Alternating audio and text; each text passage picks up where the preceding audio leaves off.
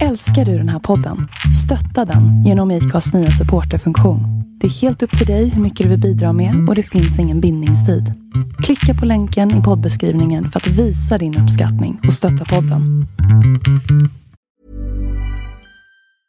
Ryan Reynolds here from Mint Mobile. With the price of just about everything going up during inflation, we thought we'd bring our prices down. So to help us, we brought in a reverse auctioneer, which is apparently a thing. Mint Mobile unlimited premium wireless. Ready to get 30, 30, bit to get 30, bit to get 20, 20, 20, bit to get 20, 20, bit to get 15, 15, 15, 15 just 15 bucks a month. So, Give it a try at mintmobile.com slash switch. $45 upfront for three months plus taxes and fees. Promo rate for new customers for limited time. Unlimited more than 40 gigabytes per month. Slows. Full terms at mintmobile.com. Hold up. What was that? Boring. No flavor. That was as bad as those leftovers you ate all week. Kiki Palmer here, and it's time to say hello to something fresh and guilt-free. Hello Fresh. Jazz up dinner with pecan-crusted chicken or garlic butter shrimp scampi. Now that's music to my mouth. Hello Fresh. Let's get this dinner party started. Discover all the delicious possibilities at hellofresh.com.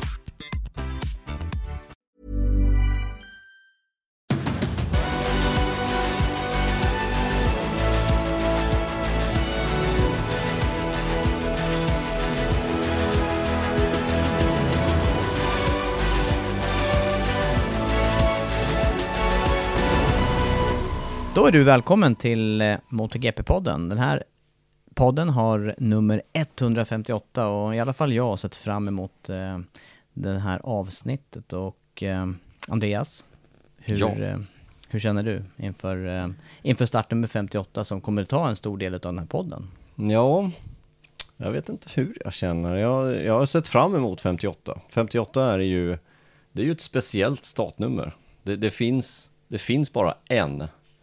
Och det kommer vi nog ägna lite tid åt idag. Och sen något eh, sent också, ett nedsnack utav racet på Silverstone som blev dramatiskt och blev ett av de allra jämnaste racen i historien. Jag gillar det här att det tätar jämnt. till. Ja, att det är jämnt. Ja, det är roligt. Mm, det är det är roligt. Så det är egentligen de två stora punkterna vi har idag, eller hur? Ja, och sen en liten uppdatering från eh, den åttafaldige världsmästaren. Ja, Som stämmer. vid sidlinjen. Ja, det stämmer. Och sen är det faktiskt inte långt bort till, eh, till ny racehelg. Det har varit svårt att få ihop den här podden ska vi säga, men eh, nu sitter vi här igen. Mm. Varmt och gott är det i alla fall. Det är väldigt, det sommar gjorde comeback. Mm, det gjorde det. Med, Ja. med buller och bång. Ja, verkligen. Har verkligen. du tagit vara på soltimmarna då? Jag tycker det, jag tycker det. Jag tycker det är rätt skönt den här tiden att det är så här varmt. För kvällarna, det är skönt också med långa kvällar, men det är, det är ganska skönt också att det blir lite svalare Mm. och, och lite mörkare. Så man Ja. kan sova lite på nätterna också. Och vet du vad jag har gjort då? Jag passar på en av de varmaste dagarna att köra cross. Jag känner mig helt slut i kroppen kan jag säga. Var det en bra idé? Ja, idén var ju bra och det, det, när det, inte upp, det uppstår inte så många möjligheter att göra det här. Så att eh, igår var det dags och eh, träffade faktiskt Mats Larsson från Rins. Han eh, tuffade på bra. Hade han några inside-saker att ta upp? Han, hade, han har ju alltid lite grann och lite intressant att snacka om. Eh, vi snackade mest cross ska jag vara helt ärlig och säga. Eh, han kör ju en stor, stor 650. Myser runt. Fort, mjukt. Det är bra. Han är bra på cross. Ja, man ser att det är eh, nyttigt att hålla igång. Jag håller ålderdomen borta. Mm. Så jag känner mig som sagt var lite sliten i kroppen, men i huvudet är det bättre. Så att eh, det ska bli skoj att snacka lite grann, eh, eller det ska bli eh, roligt att, eh, eller roligt, det är kanske fel ord att säga när det handlar om startnummer 58, men det finns mycket positivt och, och spännande i Mm. Simoncellis karriär. Marco Simoncelli. Jag tänker nästan lämna över ordet till dig Andreas, för det är du, det är du som har gjort eh, grovjobbet här och eh, tagit reda på massa, massa matnyttigt kring Ja. honom. Ja, ta tre då, ta reda på det mesta med honom har man nästan på minnet lite. Gäller att, gäller att sortera upp det i alla fall. Ja, det gäller att sortera upp det. Men han, han gjorde ju faktiskt... Han gjorde debut i, eh, i GP-sammanhang 2002. Och första åren så, så var han ingen vidare så. Han hade lite storleken emot sig också i, i 125 och slutade som bäst på en femte plats totalt sett. Eh, men det var nog lite för små hojar tror jag. Han var ju lång förare. Ja, han var det. Ja, tidigt lång. Eh, Och det har vi sett andra exempel på, andra förare genom åren som just har blivit stora, växt ur eh, de här mindre klasserna men sen blommat ut på större cyklar. Mm. Simoncelli var ju det. Han, eh, han började ju blomma ut ordentligt då i 250 och där var han ju, även där var han ju stor och lång. Det var han, det var han faktiskt. De första två åren så i 250, han hade, han faktiskt fyra säsonger i 250. Det är lite ovanligt ändå att man har så många, men, men han hade fyra säsonger. Första två säsongerna så slutade han tia båda, båda gångerna. Innan han då tredje året, tredje gången gilt, blev eh, världsmästare. Krönt i Malaysia, till råga på allt. Ja. Ja, men eh, den här föraren då, han kommer ju från eh, samma del av Italien som, som den övriga italienska MotoGP, Armadan. Det är, det är, jag har använt det där ordet förut, Armada det är ju spanskt. Men eh, ja, jag vill inte använda, jag vill inte använda ordet maffia heller. Så det, Nej men han är ju därifrån, han, jag tror han är född i eh, Cattolica men uppvuxen i Coriano. Men det ligger ju bara någon mil därifrån, precis som, som Rossis eh, hemby Tavullia så, så ligger de ju i, i krokarna där, de här små orterna. ja, Eller byarna är det nästan man kan säga. ja, det är epicentrum för motorcykelracing i eh, Italien och, och nästan i hela världen om man tänker på hur mycket hur många förare som har kommit därifrån och hur mycket olika små tillverkare och det är fjädring, det är chassi, det är motortrimmare och team som håller till i det där området. Ja. Och vi ska dit om tre, två veckor. Ja, det ska bli väldigt spännande. Ja, faktiskt. Det är alltid kul eh, i Misano, i Misano. Men eh, 2008 så blev han ju världsmästare i 250. Ja, vad hände därefter då? Efter Ja, men sen, sen, sen tog han ju eh, ett år till i 250. Det fanns ingen styrning för han eh, i MotoGP-klassen. Så 2009 så körde han i 250 också, försökte försvara titeln, lyckades inte med det. Slutade trea. Eh, Det var ju sista året man körde 250 och eh, då blev det ju japansk seger på Honda. Hiroshi Oyama. Ja, Honda som eh, satsade rätt mycket sista åren i 250. Eh, för att det hade ju varit Aprilia-dominans hela vägen ifrån hela vägen ifrån att Pedrosa vann 250 där. 04-05. Sen var det Aprilia och Gilera körde ju Simoncelli för. Ehm, men sen tog han ju klivet vidare till eh, MotoGP, körandes för Fausto Gresini då på en Honda eh, från och med säsongen eh, 2010. Första säsongen så blev det ett läroår med ett gäng krascher, några skador. Bästa resultat en fjärdeplats. Till säsongen 2011 så var Simoncelli bättre förberedd och dessutom fick han ju tillgång till en fabrikscykel från Honda men fortfarande köras, körandes då i Gresini. Första deltävlingen slutade han femma medan han kraschade i den andra på Jerez. Simoncelli var vid den här tiden en ganska yvig och gjorde vissa tveksamma omkörningar, vilket ledde till att hans konkurrenter var något arga på honom. Det kulminerade på presskonferensen inför den tredje deltävlingen i Portugal på Estoril, då Lorenzo hade kvalat in i pool.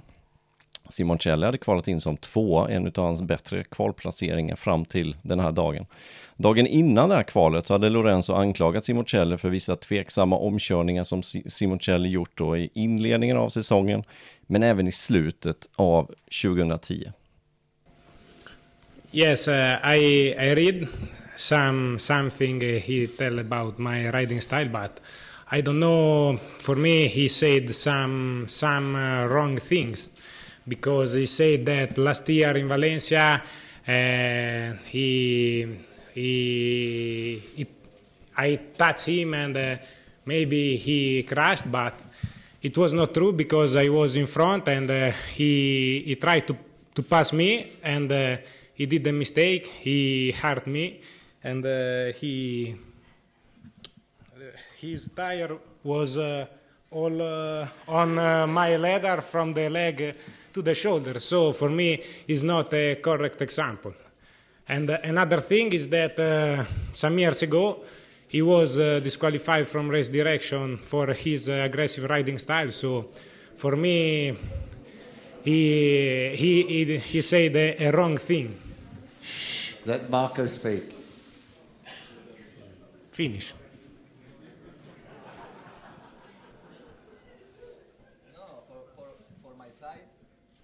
It's working, yeah. For my side, I think uh, yesterday I speak uh, the the right words. And uh, for me, it's not a problem. If in the future doesn't happen anything, it's not a problem. We'll see what happens in the future. Yes, but you you did a, a wrong example for me of Valencia. I Sorry, think eh? I think you have a lot of uh, touching with a lot of riders. No? Yes, but In uh, the- in the your example was wrong for me. How how many races I, I doesn't crash? No, I said that. I uh, don't I don't touch I said rider. that your example was wrong. Sorry, eh?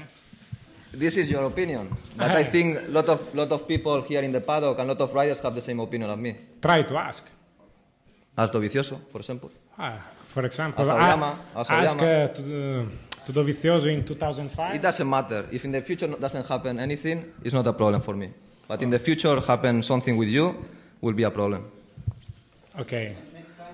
I will be arrested.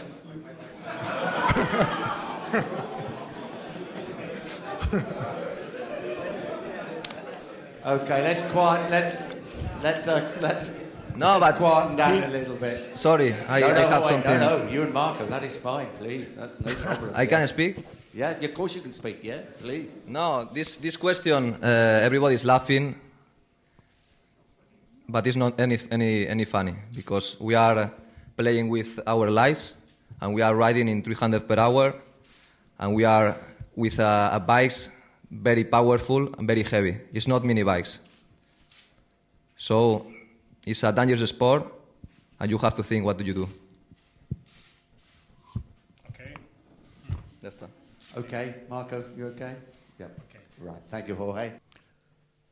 Racet i Portugal sen kraschade Simoncelli ur och årets fjärde race kördes i franska Le Mans. Där var Simoncelli inblandad i ännu en incident, denna gången med Danny Pedrosa, där Pedrosa kraschade, han bröt nyckelbenet och där Pedrosas titelchanser var över. Simoncelli fick straff för det, han fick en ride-through, men ändå så slutade han på en femte plats. Pedrosa, han missade tre race, han var tillbaka på Mugello. Pedrosa var fortfarande sur efter det här, han ville inte godta Simon Cellis ursäkt. Något han nu i efterhand har fått ångra. When I came back, I didn't try to have a talk with him. I kind of avoided it. I regret that because life is too short to have enemies. Säsongen flöt sedan på med topp 5-placeringar och första parplatsen den kom till slut i tjeckiska Bruno. I tredje sista racet på Phillip Island i Australien tog Simoncelli en andra plats och var verkligen på uppgång vid det här läget här. Första andra platsen och eh, aldrig slutat så bra innan. Inför start av säsongens näst sista race i Malaysia var allt som vanligt. Simoncelli hade kvalat in på en femte plats och när tv-kamerorna passerade Simoncelli satt han på cykel med en blöt handduk över sig medan flickvännen Kate höll i paraplyet. Starten gick och på det inledande varvet fightades Simoncelli med rivalen Bautista. På det andra varvet var olyckan framme.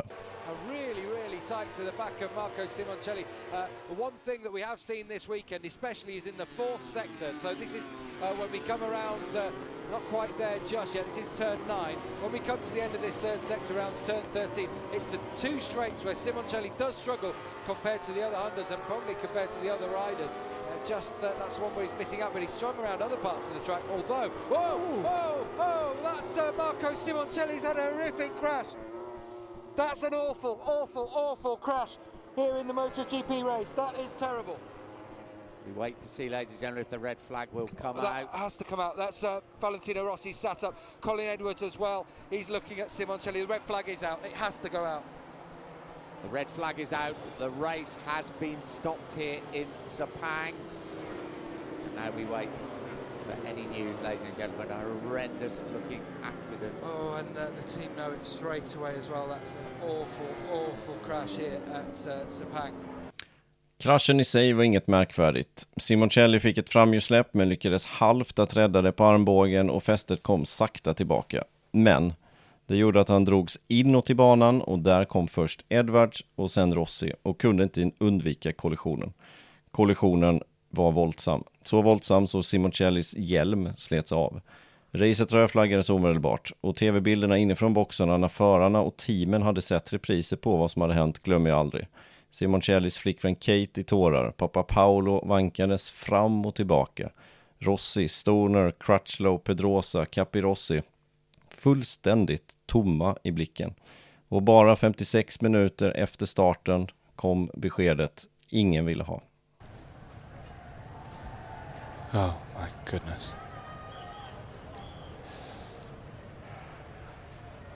Well, that's um, what none of us uh, uh, ever want to hear or see. But uh, it looks like um, the worst, worst possible news we have for you. Um, but that's the information we're just getting at the moment. Yeah, we're just getting it through now officially that at 16:56 local time, that Marco Simoncelli uh, passed away after the crash on the second lap here at the Malaysian Motorcycle Grand Prix. Our thoughts are with his family in particular, his team, and everybody involved. And uh, may I tell you, the MotoGP community will mourn with them.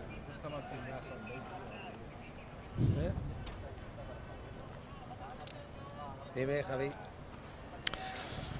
So uh, from the Malaysian Motorcycle Grand Prix, really uh, tragic, tragic news, of course. That uh, we're really sorry to have to bring you, and those fans walking away won't won't know the situation. But unfortunately, Marco Simoncelli has uh, passed away after the crash in the Malaysian Motorcycle Grand Prix at 16:56 local time in a crash with Valentino Rossi and Colin Edwards. Fyra dagar efter kraschen begravdes Simoncelli i Coriano inför tiotusentals personer. Förutom närmsta familjen närvarade bland annat Valentino Rossi, Jorge Lorenzo, Andrea Dovizioso, Loris Capirossi, Alex Crivil med flera. I minnesboken på begravningen skrev Lorenzo I'll always remember you. Forgive me for having argued with you. Simoncelli lämnade ett stort tomrum efter sig. Han var Italiens nästa stora stjärna. Istället blev det hans pappa Paolo som startade ett team för unga italienska talanger. Idag kör teamet SIC Squadra Corse i Moto3 VM. Han har även fått banan i Misano uppkallat efter sig, numera Misano World Circuit Marco Simoncelli. I hans hemby Coriano, bara ett stenkast från banan, lyser ett eldmonument till Marcos minne varje söndag vid skymning i 58 sekunder.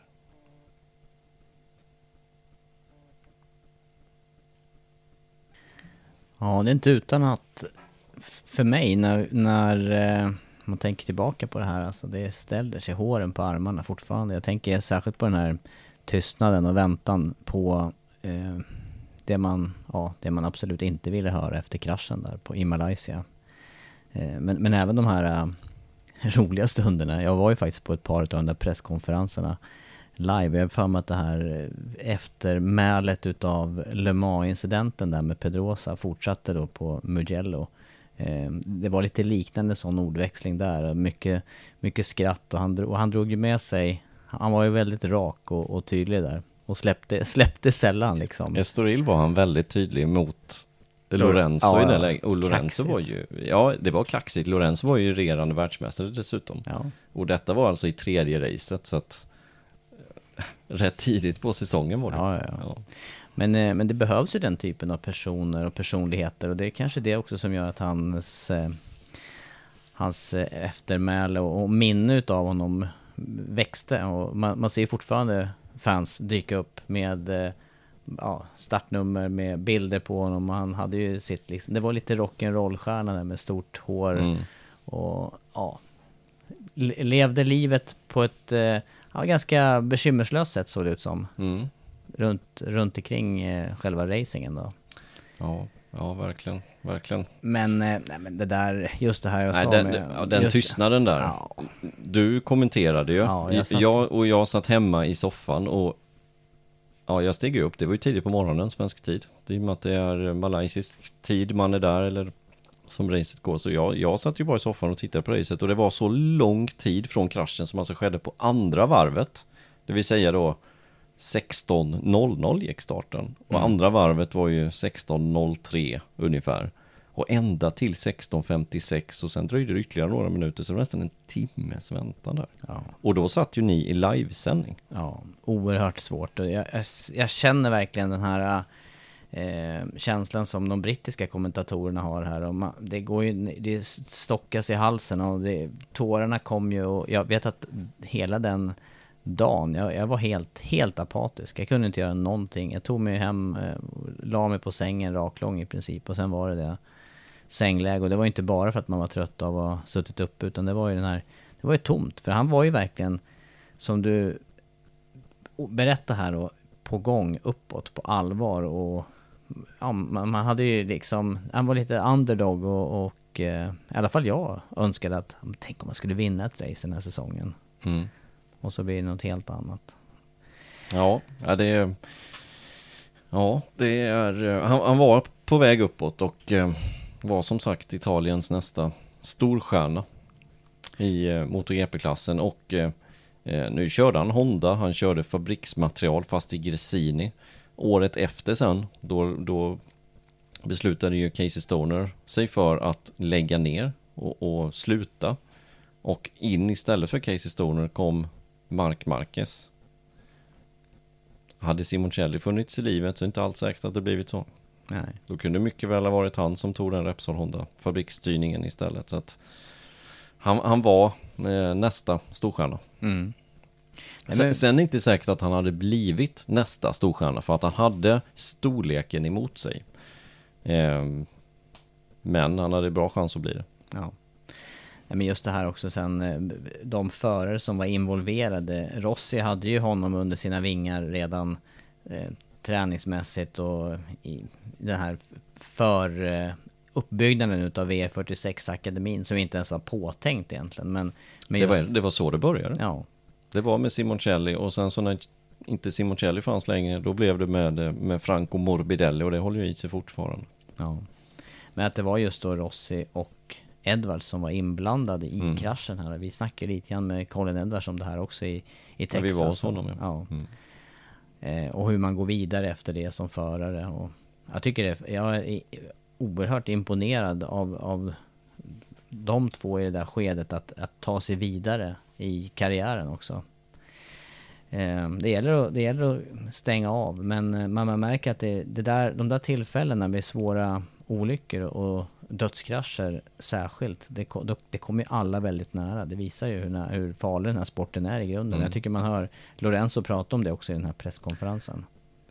Det är ju mest Simoncelli som har fått uppmärksamhet och att det är roligt i det där. Men det är ju faktiskt Lorenzo som tar upp en ganska viktig sak. För i det, vid, vid det tillfället så, så var ju Simoncelli ganska vild av sig. Och det var armbågarna utåt och det var sena omkörningar och han körde på. Men i den här artikeln som hela den här fighten eh, sen beror på. Det, det är ju en omkörning i finalen i Valencia. Som Lorenzo kommer på insidan i sista svängen. Eh, och han är inte tillräckligt nära där helt enkelt. Så, att, så att det där är Lorenzos misstag. Eh, men han är inte nöjd på Simoncello i det, i det läget där. Men han har ju rätt i det Simoncelli att det var ett dåligt exempel och det, det var väldigt dåligt exempel. Ja. Och sen den där kraschen på eh, Le Mans med, mellan Simoncelli och, eh, eller där, där då Pedrosa gick omkull och skadade sig.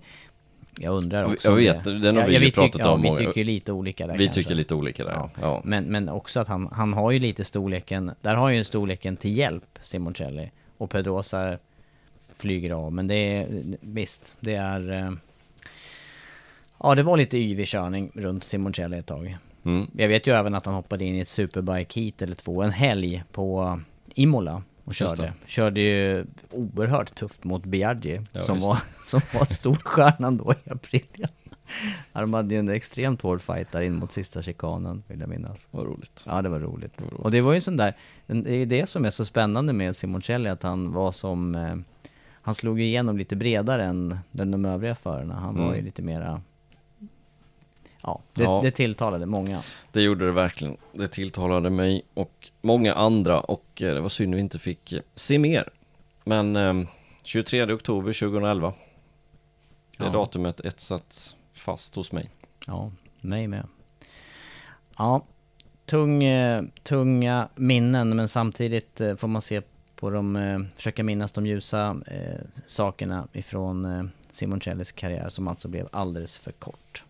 Det finns bara en 58 i vilket fall som helst. Ja, det är det. Så det behöver vi inte diskutera. Det är till och med pensionerat nummer. Mm. Du Andreas, nu tycker jag att vi går över på um, nutid, i alla fall eh, närmsta tiden och backar tillbaka till senaste racehelgen på Silverstone. Det blev ju ett, eh, det blev ett fantastiskt jämnt race, det konstaterade vi här i inledningen på podden. Jämnaste racet, näst jämnaste racet någonsin topp 10. Mm. Var det så? Det var det, och det, det jämnaste, det var ju den här helgen, dubbelhelgen i Qatar. Just när det. vi konstaterar att här har man då alla team, alla förare har fått mer tid på banan. Och, Och testat. Ja. Mm. Här var ju en eh, vanlig singelhelg om man säger. Mm. Perfekta väderförhållanden. eh, Ja, det var ju verkligen... eh, Det, det, var, det var ett drömupplägg och en bana som alla förare lovordar faktiskt. Mm. Man ser det på den också och det bjuder in till bra race. Jag, jag tittade efter racet så mellan ettan och tvåan i samtliga klasser totalt sett, om man slår ihop då differensen mellan ettan och tvåan i motor 3, ettan och tvåan i motor 2, ettan och tvåan i motor GP, så skiljer det alltså 74,8 hundradelar. Det är alltså under en, ja, vad blir det? Ja, under det- en, en kvart sekund. Per klass ja, om man snittar. Mm. Mm. Under en kvarts, ja det blir det. Eh, men eh, det, det, och det märktes tycker jag i, eh, från, kommentatorsplats att en sån där dag går fort att jobba. Det, det, Ja, det gjorde jag. Det gjorde jätte, det är intensivt och... Det händer grejer hela tiden. Men Ja. varför, varför är det så jämnt då? Just där. Det tror jag beror på, dels beror ju, i grunden beror det på att reglementet har tagit sådana steg under ett antal år. Eh, och sen bankaraktären i sig, det är ju det här med eh, den stora variationen kurvtyper. Det finns två, tre, tre långa raksträckor. Eh, och de här fina omkörningsmöjligheterna, framförallt då i den nya delen. Men vi såg ju även omkörningar och omkörningsförsök på- den ursprungliga bansträckningen. Mm. Bredd att åka på, många variationer i gå in sent, gå in tidigt, eh, komma in bra men ut lite sämre och det blir ju massor med Jag tror att den, är, att den är så pass bred hjälper till. För det gör också att det finns, som du säger, många olika spår. Och då är det svårt på en sån lång bana att få till det perfekta spåret varje varv. Vilket gör att man kan ta in någon tiondel här och var. Mm. De, de, det kände, jag tyckte i alla fall när jag såg racen så här i efterhand sen att de kändes inte som sådana maskiner Nej. som kan förarna kan göra på vissa banor. Det är exakt samma spår, exakt samma varv på varv på Red Bull Ring som vi ska till nu till exempel.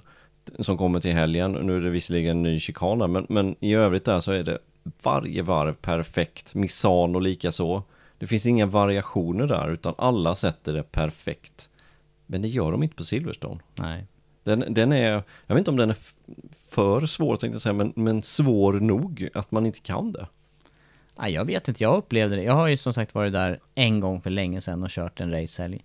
Eh, och jag mindes det som, eh, ja både ytmässigt, eh, den här bredden som du pratar om, lite svårt med att, hitta, vad heter det, referenser i naturen där, i och med att det är ett flygfältsområde. Och sen de här, man kan ta exemplet där med sista kurvpartiet ut på start och målrakan där när man accelererar upp och vi såg ju på medåkningsbilderna här hur förarna verkligen snabbväxlar genom, för att det var, och jag körde ju på den tiden när vi inte hade någon traction control och ingenting, och man skulle mata på så maximalt med mycket nedlägg. Oerhört svårt. Mm. Och det var två, tre sådana partier. Och jag kände verkligen att jag hade ju hur mycket som helst att lära på den där banan. Mm.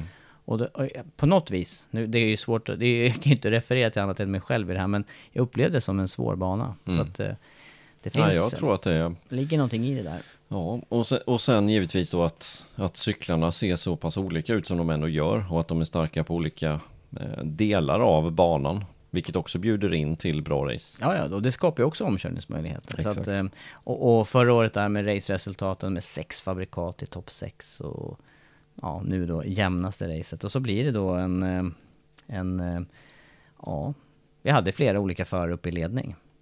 Jag hade, Mm. ja, själv hade jag faktiskt eh, eh, en förhoppning om att Sarko skulle ta sin första seger.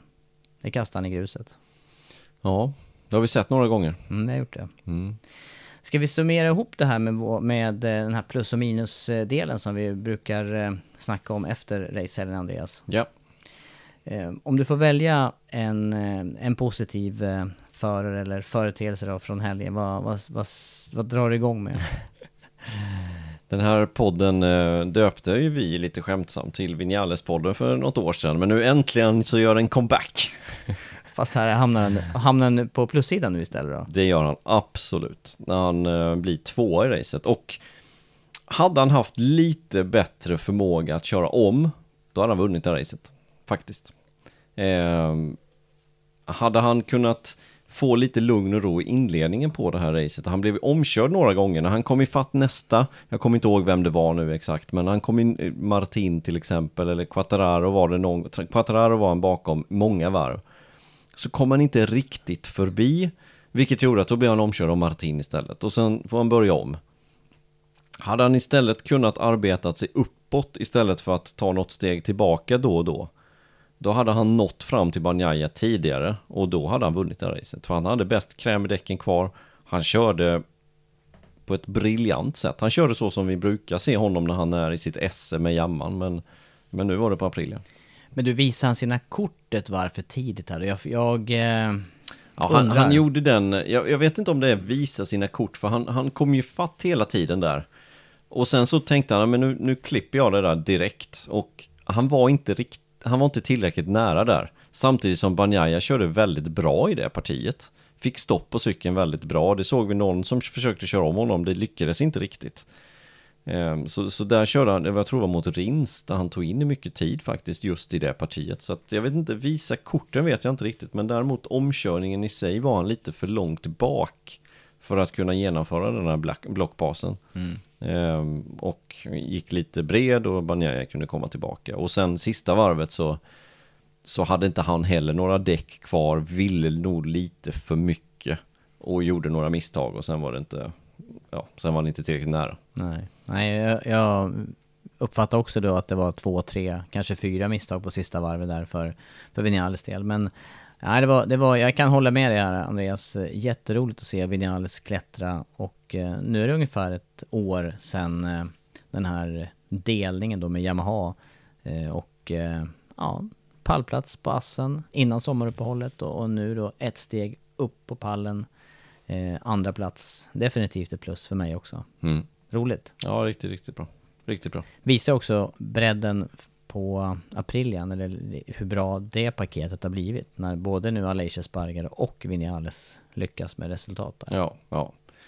Jättespännande vad som kommer hända här i resterande del av säsongen med Aprilia, för de är ju verkligen på uppgång och, och jag jag längtar lite efter Aragon där Alicia Sparger och verkligen har varit het de senaste åren. Även Aprilian var ganska dålig för två, tre år sedan så presterar han ju bra resultat Ja, just där. Mm.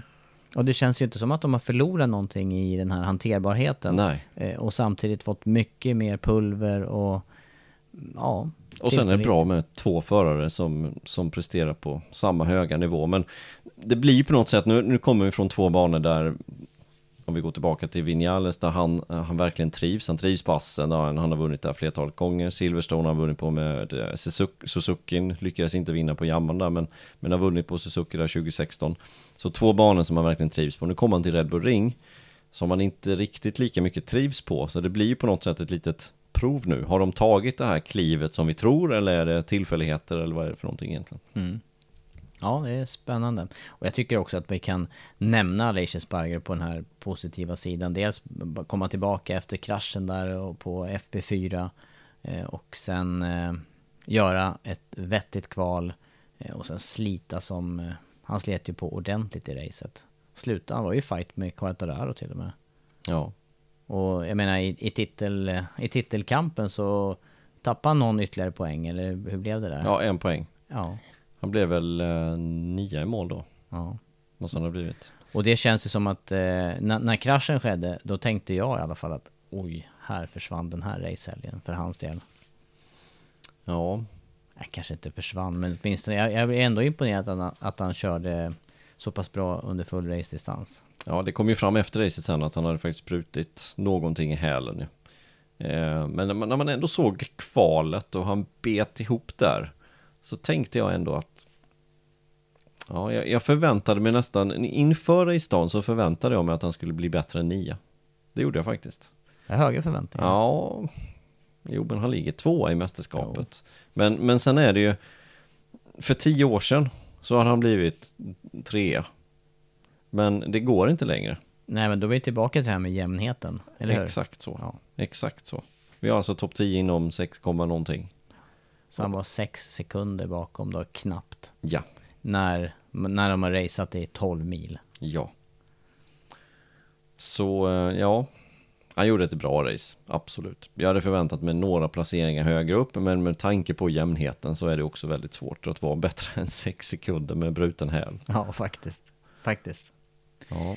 Ja, det var, det var plus på Vinales i alla fall då. Jag, eh, vad säger du om, eh, om, om jag, Bastianini, eller vad säger jag? Eh, jag menar, eh, ja Bastianini skulle vi faktiskt kunna ha på plussidan.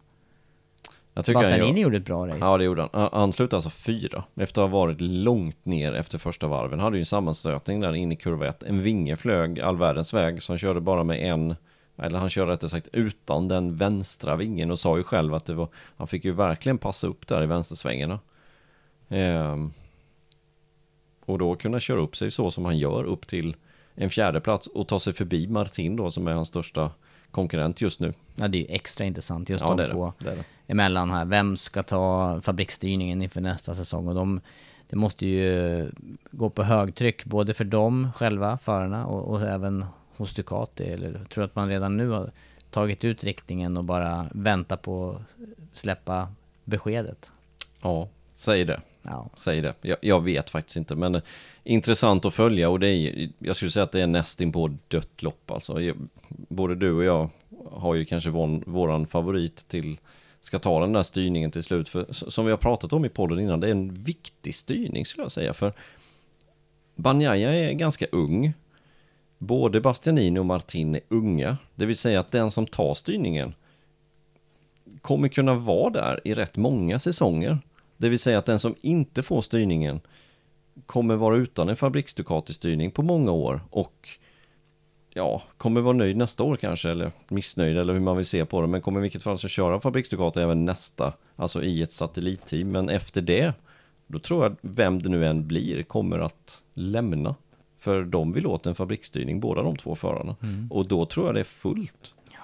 Så eh, det, det är en eh, plus att ett, kanske till och med två år för den som får satellitstyrningen försvinner ju egentligen. Ja, för det blir lite äh, återvändsgata där. Om man Ja, får det blir ju- ta ny sats hos ett Exakt. annat märke. Ja, Mm. till, till nästa cykel med förarkontrakt, det vill säga då till säsongen 2025. Eh, Och vem vet var, var vi står då någonstans. Så, så att jag skulle säga att det är eh, otroligt viktigt beslut och vem de kommer välja, jag, jag har ju ingen aning. Bastianini, han är ju, han är ju eh, dålig på att kvala i jämförelse med Martin som är kung på att kvala normalt sett. Nu misslyckades han inte den här gången. Men tvärtom så är ju, är ju Bastianini kung på att hålla liv i däcken och komma starkt på slutet i racen. Och det gjorde han ju tydligt i det här loppet. Det gjorde han. Det gjorde han. Medan Martin ibland då dalar lite. Så att Ska man tänka förarkvalitetmässigt, eh, ja, jag, jag håller ju fortfarande Martin något, hö något högre högsta nivå, det gör jag ju. Eh, men där är det ju i snudd på 50-50. Jag, Ja. jag tror att det är andra saker som kommer avgöra detta. Med marknads, eh, marknadsbiten helt enkelt. Och då är frågan, vill de ha två italienska förare i samma team? Eller vill de ha en spanjor och en italienare i Ja, samma där kanske de vill ha en spanjor, tänker jag. det, det är så jag tänker också. Två italienare med två olika management bakom sig i Fabriks Ducati. Det, det är som uppgjort för konflikt. Ja, ja, verkligen. Men, men eh, det, vågskålen borde ju väga över lite mer efter helgen på Silverstone till Bastianini igen. Alltså det, han, han tjänar åtminstone in lite av det som vi har pratat om förut. För jag tycker att han, med, med, den, med den starten på racet och det här problemet då med vingen och ändå ta sig upp och fightas med Martin på slutet. Han var stark, stark Mm. helg. Jo, men han blandar ju kvalresultaten och, så, och vi vet ju hur otroligt viktigt kvalresultaten är i den här klassen nu med den här jämnheten. Så att han måste ju höja sin högsta nivå. Eh, Bastianini har ju stått som bäst i år, två, det gjorde han i Qatar. när han vann racet. Sen har han stått i andra startled tre gånger. Men sen så blandas ju det också med, med 13 och 18 och 14 och 17 och 16 och 11. Det är jättelångt bak. Man tänker på om man ska göra någonting i racen. Ja, medan Martin då har varit i Q2 i samtliga race utom i Portugal när han var 13. Annars har han varit eh, ja, 11 en gång men annars topp 10. Mm. Så att det är det är återigen vågskålen. Nej, det blir jätteintressant att se vem de kommer välja. Och vad den andra föraren kommer att... Ja, vilken strategi den föraren kommer ha. Mm. Tänker du i så fall den säsongen när, när man får tillgång då till, eller när den föraren får tillgång till fabriksstyrningen? Eller strategi för... Ja, men eh, den som kommer få köra i Pramac helt enkelt. Ja, ja, Vad ja. dens förares Ja. strategi kommer vara. Okej. Ehm, jag tycker man hör det ganska tydligt, åtminstone från Martin, att är det inte fabriksteamet då är det då är det adjöss. Och ja, Ändå ser vi hur starka de är som Pramac och... absolut. Och- Men det är ju det där återigen, det finns ingen i MotoGP-eran som har vunnit i ett satellitteam. Alltså mästerskapet. Nej. Så att, ehm, ja. Even on a budget, quality is non-negotiable. That's why Quince is the place to score high-end essentials at 50 to 80% less than similar brands. Get your hands on buttery soft cashmere sweaters from just 60 bucks, Italian leather jackets, and so much more. And the best part about Quince, they exclusively partner with factories committed to safe, ethical, and responsible manufacturing. Elevate your style without the elevated price tag with Quince. Go to quince.com slash upgrade for free shipping and 365-day returns. Ever catch yourself eating the same flavorless dinner three days in a row? Dreaming of something better? Well, HelloFresh is your guilt-free dream come true, baby. It's me, Kiki Palmer. Let's wake up those taste buds with hot, juicy pecan-crusted chicken or garlic butter shrimp scampi. Mm. Hello Fresh. Stop dreaming of all the delicious possibilities and dig in at HelloFresh.com. Let's get this dinner party started.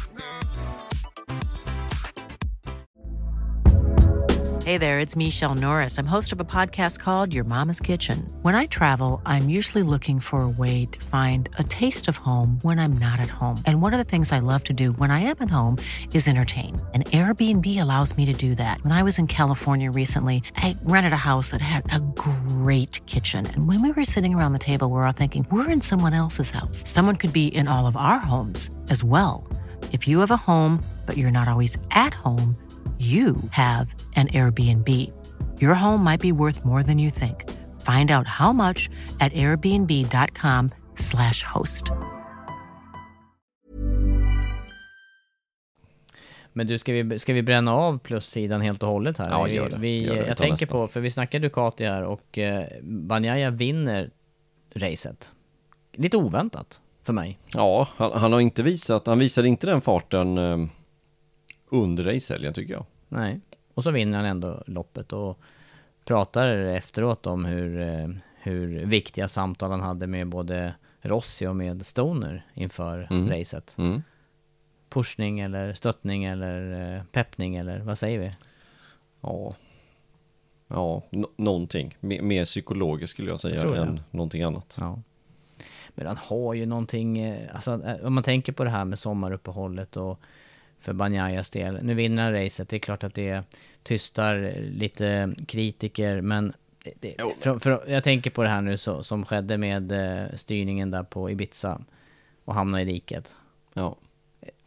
Ja, har det inte varit fortsatt väldigt tyst om det här? Vi, vi tar Jo, upp det det för andra, tredje podden i rad. Ja, det är knäpptyst. Och, och nu lär det inte komma något mer. Nej. Nu, nu kommer det ju, om det kommer något mer så kommer det ju komma ifrån myndigheter i så fall att det har hänt någonting. Innan dess lär det inte kommit någonting. Och då är det inte adresserat till oss i första läget. Nej. För vi, vi Nej. får avvakta. Nu kanske jag lägger ut något nytt statement där på sociala medier. Ja. Men jag tyckte det var taffligt.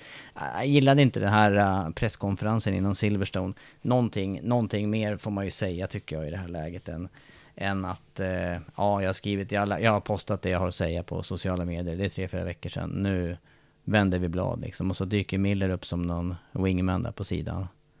Ska vi lyssna på det?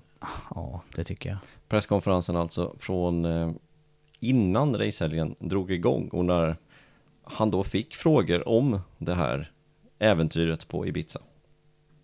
Uh, yeah, I already said uh, what I was. Uh, I already said and write it on on my social channel uh, what I was thinking about, and uh, already passed three, four weeks from that moment. So something that for sure uh, didn't uh, touch MotoGP argument because it's not something that uh, can compromise uh, my mindset for a race. So uh, was easy for me to, to, to speak about, to think about MotoGP and not uh, what happened because it was a mistake, it was an, or- an error that I did, but uh, unfortunately it's something that can happen and uh, I did already a mistake, so I understand. Simon Patterson from the race. Paco, just to, to follow up on that, if you had received a, a penalty from MotoGP or from Ducati for it, like we've seen in other sports, would you have accepted that? Uh, for what? For what? For what? What other sport? What other there are multiple other examples, some other sports where people have been sanctioned by the organizers. We're not even or the- talking about that anyway. It's just bringing up negativity, and we don't need to bring it up. He said what he had to say, and that's it. Thank you. Okay, I think it's. Prob- have we got any more questions from the floor? Probably the, the best possible time then to uh, move on to uh, MotoGP uh, social.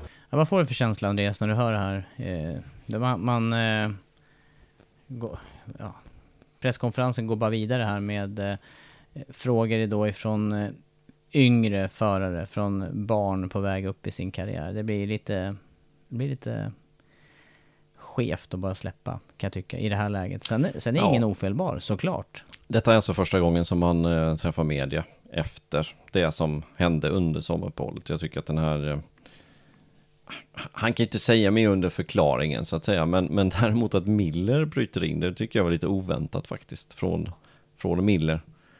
Ehm, att bryta in i samtalet och, och försvara Banjaya i det här läget. Jag tycker han borde varit tyst och låtit Banjaya svara på frågan. hade varit mycket bättre, det tycker jag också. Ja. Sen, sen, eh, jag är inte tillräckligt insatt i hur man har eh, gjort i andra sammanhang, men jag tror vi gjorde någon koppling till, till rally eller till, jag menar hade behövt, behövt körkort för att göra den här sporten, enduro eller någonting, då kanske man skulle ha, då hade det kanske varit eh, ännu mer kopplat, men det är fortfarande motorsport. Det är eh, på, på något vis, de, de här, det är de största stjärnorna för den yngre generationen att se upp till. Och då, då kan man inte bara, tycker jag, komma undan med att säga att ja men det där kan hända. Jo, det, det, det kan hända. Men eh, det, det är ju... Det var ju, vad vi har fått reda på, i alla, fall hittills, så är det ingen, eh, det är ingen liten... Det är inget litet intag som det Nej. handlar om. Nej. Nej, exakt. Eh, och, och det som Simon pratar om där, andra sporter, så finns det ju faktiskt exempel på andra sporter där, där utövaren helt enkelt har blivit sanktionerad av förbundet eller eh, teamet eller ja, vad man nu laget man har, har spelat eller kört för. Så att det har hänt eh, lite andra omständigheter såklart i de, de lägena. Så att, ja. Nu, men, det, nu, men, det, men det är ju igen det här, man kan ju nästan knyta an till det som eh, Lorenzo pratade om på presskonferensen där i Estoril. Jag menar, du kan ju välja vem du, du kan välja om du själv vill ta de här riskerna, men det finns ju alltid andra i trafiken. Ja. Som, eh, ja ja. Men, Hur eh, som. Men ja, jag tycker racemässigt här den här helgen, med tanke på utgångsläget så får han i alla fall ett plus utav mig med segern här. Han får ju det. Han, han- får ju plus efter den här helgen. Eh, han tar alltså sin andra raka seger. Han tar tredje, se, fjärde segern på de sju senaste racehelgerna. Och de han har nollat i, det är alltså Le Mans. Där kraschade han när Bastianini kör om honom när han tittade på skärmen på högersidan. Då kraschar han ut sig från en säker andra plats. Det är i eh, Barcelona när Nakagami strikar honom i starten. Där hade han definitivt varit med och, slått, och slogs om, om segern. Och sen är det på Sachsenring där han gick omkull från en andra plats när Quattararo hade tagit starten. Topplaceringar, verkligen. Och fortsätter han så här nu, nu är vi, nu är vi på tolfte racet. Det är några race kvar. Ja, med tanke på Quattararos resultat de senaste Exakt. helgerna så har han ju, vad konstaterar vi, han har tuggat in eh, 42 poäng här på två racehelger på Han är alltså 49 poäng bakom nu. Mm. Och tagit 42 som du säger. Det är greppbart nu. Ja, det, det är verkligen det. Påminner lite grann om förra säsongen. Ja, men det gör ju det. Och vi kommer till banor som passar honom. Österrike, Misano, där han varit klippstabil flera år i rad. Sen vet vi inte vad som händer i, i de andra banorna i, i Asien som vi inte har varit i, eller i, ja, där bortåt. Med eh, Japan, Thailand, Australien, Malaysia. Det blir väldigt, väldigt, väldigt spännande att se. Mm. Jag tycker dock, innan vi släpper det här med eh, hans körning på Ibiza, han hade faktiskt lite humor efter racet. När han sa att idag kommer jag ta en taxi. Uh, ben Hunt from The Sun. Question to Pecco. Dare I ask if you're out to celebrate tonight or are you just going to be staying in on the soft drinks? Um, but could I also ask seriously, um, what sort of message does this send to your critics who have been sort of jumping on you over the last couple of weeks? Is it a perfect response? I didn't understand the last part. The second question. The second question is the response to your critics. Is this the perfect answer to your critics who have been critical of you? On the second part of the season. No, because of the, the critic. Ah, about the, what happened in the summer break. Yes, yes. Okay. We are young, man. We are young. Young and wise. Um, for sure, this this uh, this night I will try take a taxi. Very wise. But uh, I think everyone can make a mistake, and I did a mistake. I said my my my that I did a mistake, and uh, and uh, nothing. Everyone can make mistakes, so I'm sorry about that. And the result as a response to the critics, how important was that today? Matt, I think that uh, this win doesn't change what happened in the summer break, but changed more for me uh, for uh, my situation because um, this year every time I won, I crashed the, the, the race after. So I won twice, the two in a row. So this uh, helping me to be more uh, relaxed in this in, in this case, but more because uh, in a difficult weekend uh, like this, uh, that I was very str- struggling a lot from the start of the season. Uh, for the start from the start of the weekend, I won. So we were able to, to do a great comeback in terms of, of speed and constancy, and so I'm happy about that. Hur mår han? Ja men det var skönt att höra faktiskt. Det, det har de ju flera stycken utav dem, men det, det har ju... Det kanske också är någonting med eh, den här... Eh, att, att vara i offentligheten hela tiden, att man till slut liksom försöker att tona ner sig själv. Men här tyckte jag också att de släppte lite på garden, flera stycken. Ja, det blir ju ofta så efter racen, det blir lite, lite lättare stämning. De bästa eh, ljudupptagningarna får vi ju faktiskt från det här lilla yt, ytan eller utrymmet där förarna väntar på att få gå upp på pallen. Jag tycker Mm. de är väldigt, vissa är ju oerhört frispråkiga. Ja, exakt. Det brukar vara så efter, efter racet. Men... ehm, Full av adrenalin och pump Ja. och, ja. Bra race gjorde han. Riktigt, riktigt bra race gjorde han. Och ehm, kul tycker jag att vi kommer få se tre, för jag vågar nästan säga det nu, vi kommer få se tre i titelkampen. Inte bara Quattararo, Espargaro, utan eh, Banjaya kommer till slut efter en, en väldigt trög start. Mm. Så börjar han accelerera nu. Ja. Ja, det ska bli spännande att se. Och, och då tycker jag faktiskt att vi kan kliva över på minussidan. För att eh, du nämner här tre förare som kan komma och vara med och slåss om titeln. Men då får, om vi tar Quartararo som exempel, han får ju inte göra en sån här racehelg som han gjorde nu. Eh, jag tycker att han, eh, han, han för att leda mästerskapet och eh, eh, ja, vara så pass stark före som han är så, så gjorde, han, han hamnar på minussidan för mig den här helgen. Mm. Han testade i alla fall den här extra slingen. Ja, Long lap penalty. Ja, han hade ju en bestraffning från incidenten på Assen och eh, är det den bestraffningen här som gör att hans raceresultat blir så pass eh, dåligt? Eller vad, Mm. vad är det som, eh, vad är själva kärnan i, i resultatet? Ja, jag tror det finns två saker. Det ena är det givetvis att han behöver ta den där slingan. För om vi vänder på det, om han hade haft bra fart som han hade inledningsvis, han hade jättebra fart inledningsvis, gjorde en kanonstart. Allting var ju upplagt för ett bra resultat. Sen visste han att han hade den här long lap penalty, men då låg han efter Sarko. Eh, anta att han inte hade haft den här bestraffningen. Sarko kraschar bort sig. Då har det varit fritt fram för Quattararo. Problemet med Quattararo var att han valde ett medium bak medan de andra åkte hårt. Och det tog slut. Och därför blev det inte bättre än åttonde plats. Men kan han också ha valt det här mediumdäcket med tanke på att han hade bestraffning, med tanke på att han behövde göra en stark inledning och att han gick på det spåret av Ja. den anledningen? Det, det pratade vi om i sändning egentligen, att han kanske går på det för, för att kunna ta starten, rycka lite, ta den här slingan som tar 1,4-1,5 sekunder. Ehm, och, och sen inte tappa så mycket på det. Men det var ett felaktigt däckval. Ehm, jag tror han skulle gått på hårt istället, bak. Eh, ehm, även, visst hade han ett mjukare framdäck också, tror jag han hade. Eh, det hade Miller också och, och båda de sa också att det var, det var lite problematiskt. Så att, ehm, lite ehm, annorlunda ehm, beslut ifrån Quattararos sida. Mm. Och så han tappar då 42 poäng på Banjaya som vi snackade om nyss. Det är ju den åttonde plats, det innebär åtta poäng bara. Jämfört med 25 för segraren, det är stor skillnad. Ja, det är de där pallplatserna eller segrar Ja. som verkligen trycker på poängskörden. 25, 20, 16 är alltså i toppen där. Mm. Nej men så minus för, för eh, Quartararo eh, för min del och eh, även för Sarko då med tanke på hans utgångsläge och ledning i racet. Jag vill inte säga det, jag var, jag var på väg att säga det i direktsändning att hoppas nu inte Sarko trycker på så mycket så han går omkull härifrån ledning. För det, han hade nästan, känslan som jag fick när han inledde racet var att han nästan ville försöka skapa en lucka där Mm. bakåt. Mm. Han, han, eh, det var ju inte någon sån här eh, hålla igen inledning i alla fall. Nej. Och så går han omkull. Ja, men vi, vi har sett det lite för många gånger från Sarkos sida. Tråkigt.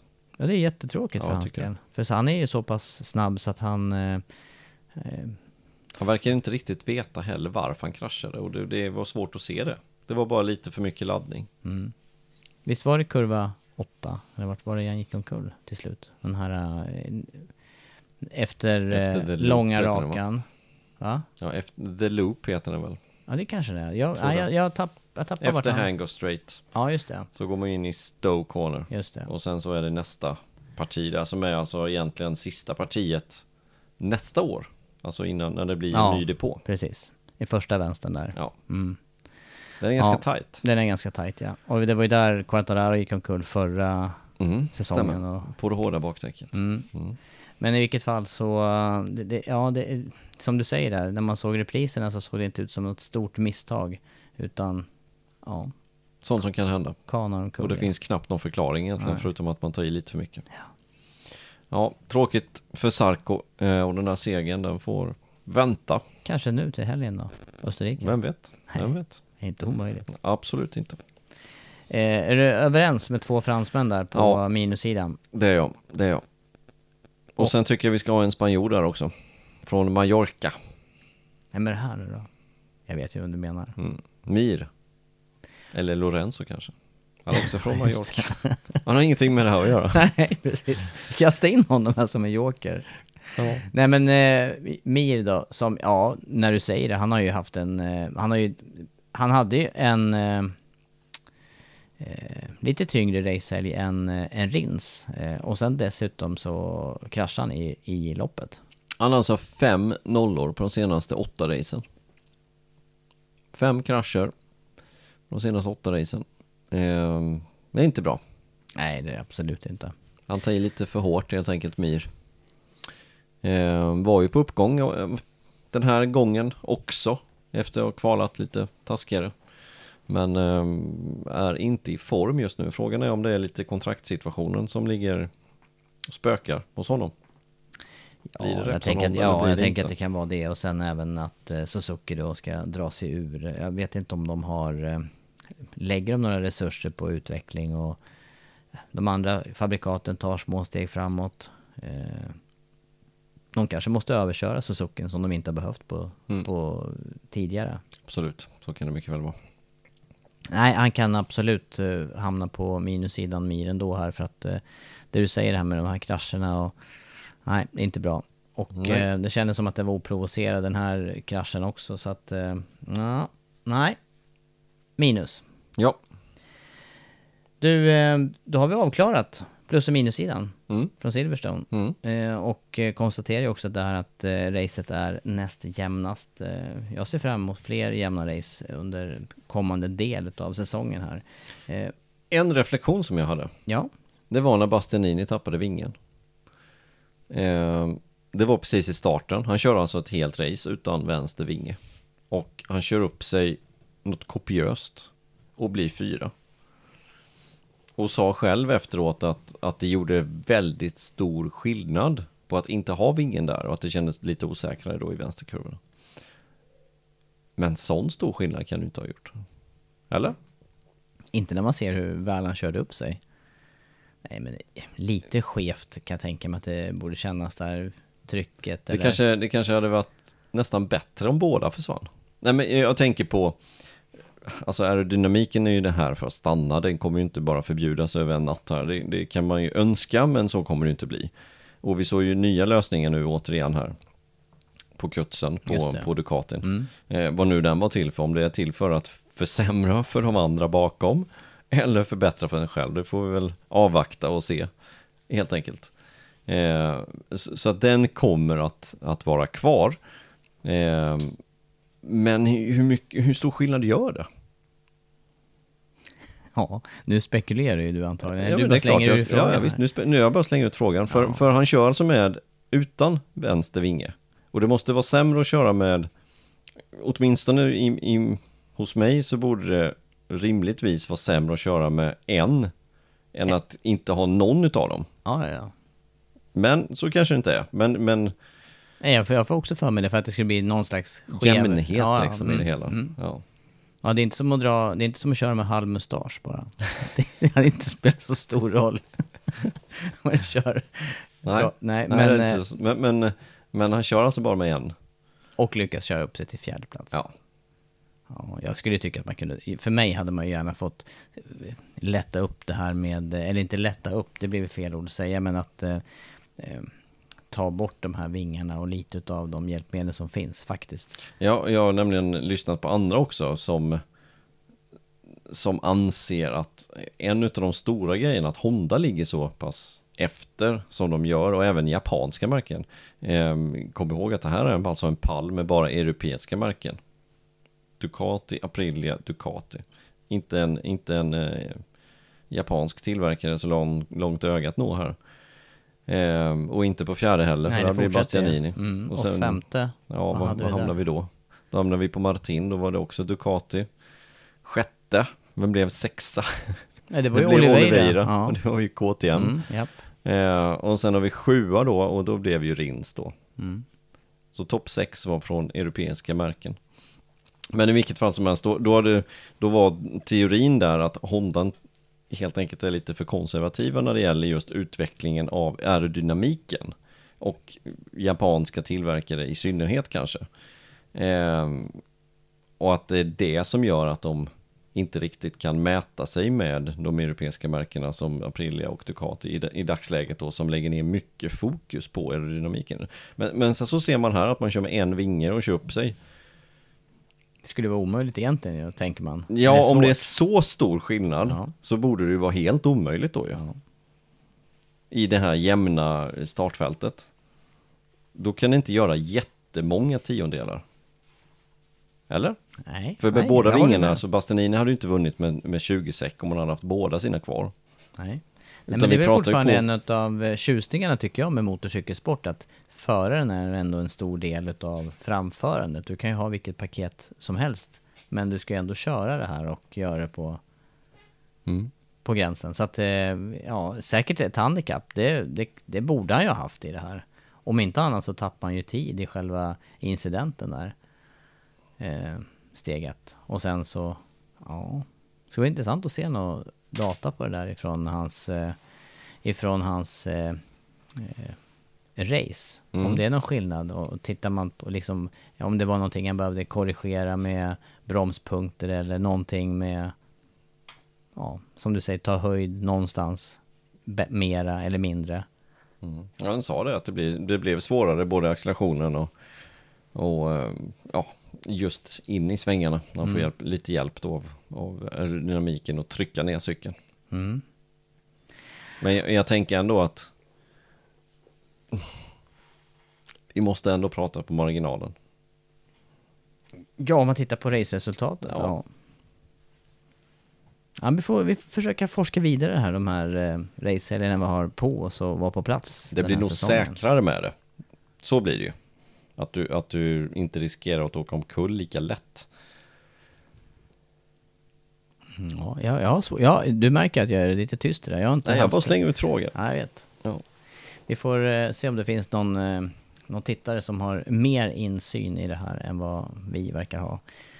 Men du Andreas, vi måste ju, vi måste ju ta en litet tag på, på läget också kring Mark Marquez innan vi, eh, innan vi eh, avrundar den här podden. Mm. Tycker du inte det? Jo. Ehm, och Mark Marquez, eh, du nämnde Honda här, konservativt och eh, jag ägnar lite tid åt att kolla på det här klippet som man har lagt ut om eh, Mark Marquez och hans rehabilitering här nu som pågår för fullt. Och han har ju alltså gjort den här operationen, vridit tillbaka benet på överarmen som har stått 25-30 grader fel. Eh, jag tror man har mörkat en hel del om hans läge eh, inför den här senaste operationen och som han själv säger också eh, den sista operationen. Han kommer att ha svårt att göra det här igen och framförallt då göra det och komma tillbaka. Och han pratar mycket i det här klippet om just hur eh, hur tufft den här eh, resan är tillbaka med all rehabilitering och han, han plussar ju sin bror här, Alex Marcus mycket och tackar honom just för att de har, eh, ja, kan pusha varandra när det gäller träning och, och att det krävs en hel del för att ta sig tillbaka. Men om man ska koppla tillbaka till det här med, med Honda där då, de, de är ju ett svårt läge utan sin sexfaldige världsmästare.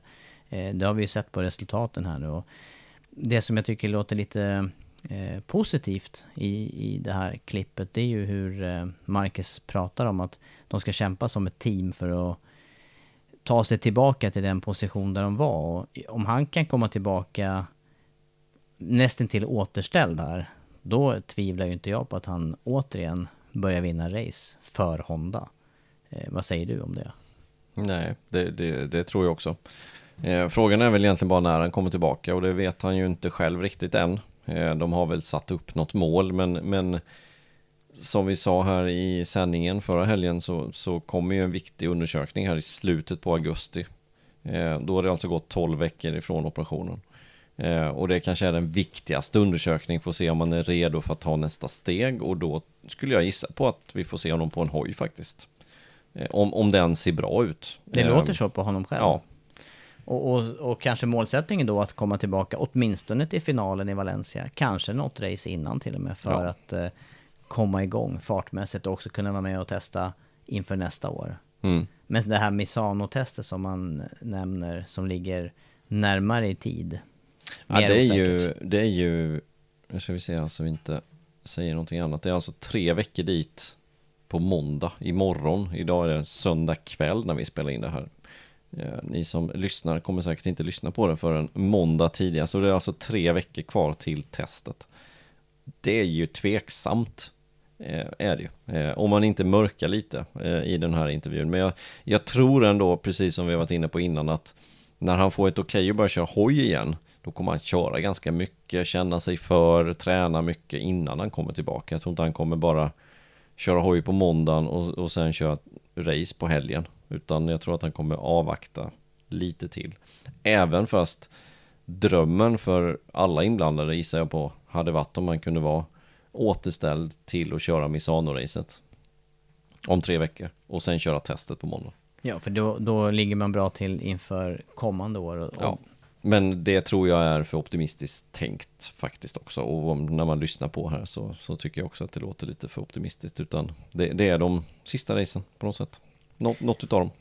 Men något som är intressant också i det här, det är ju hans egna tvivel faktiskt. Och det krävs ju en hel del Ja. vilja och motivation och allt möjligt för att ta sig tillbaka efter de här, den här Två år. skadeperioden. Två år. Ja. Vilket pannben alltså. För att...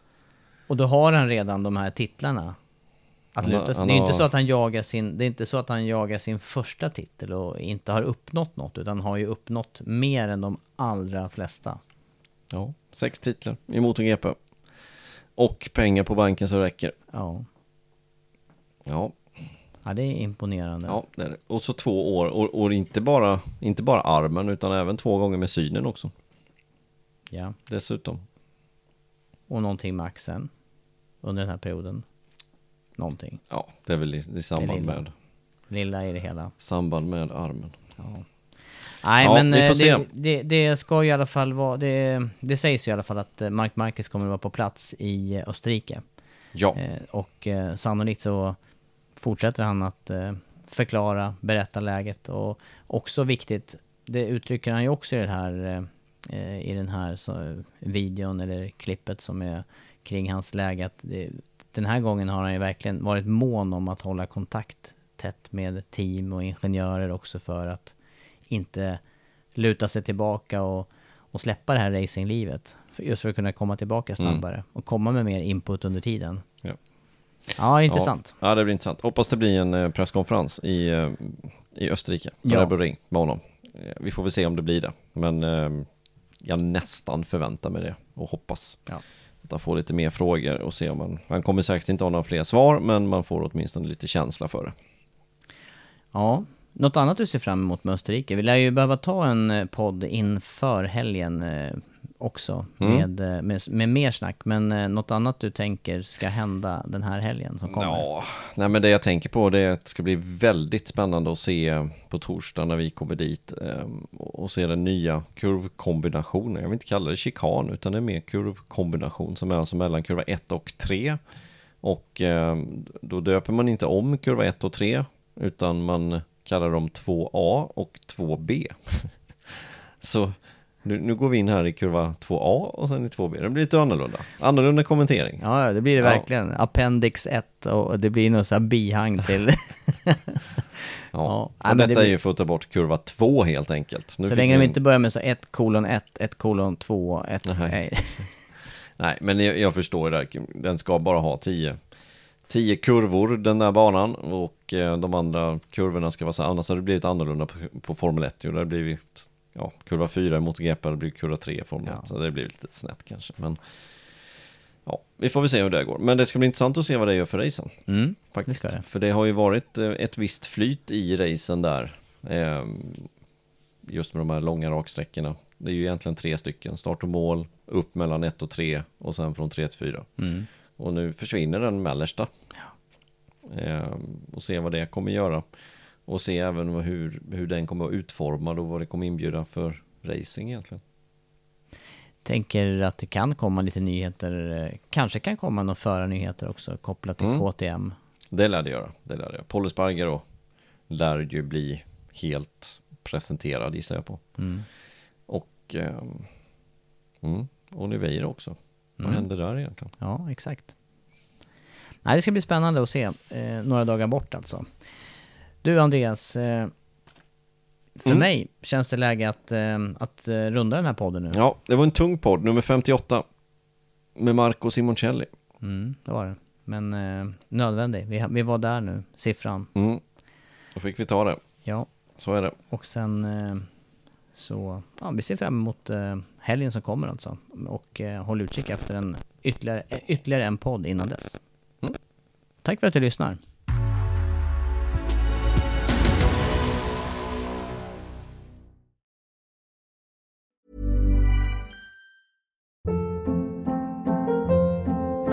Hold up. What was that? Boring. No flavor. That was as bad as those leftovers you ate all week. Kiki Palmer here, and it's time to say hello to something fresh and guilt-free. Hello Fresh. Jazz up dinner with pecan-crusted chicken or garlic butter shrimp scampi. Now that's music to my mouth. Hello Fresh. Let's get this dinner party started. Discover all the delicious possibilities at hellofresh.com.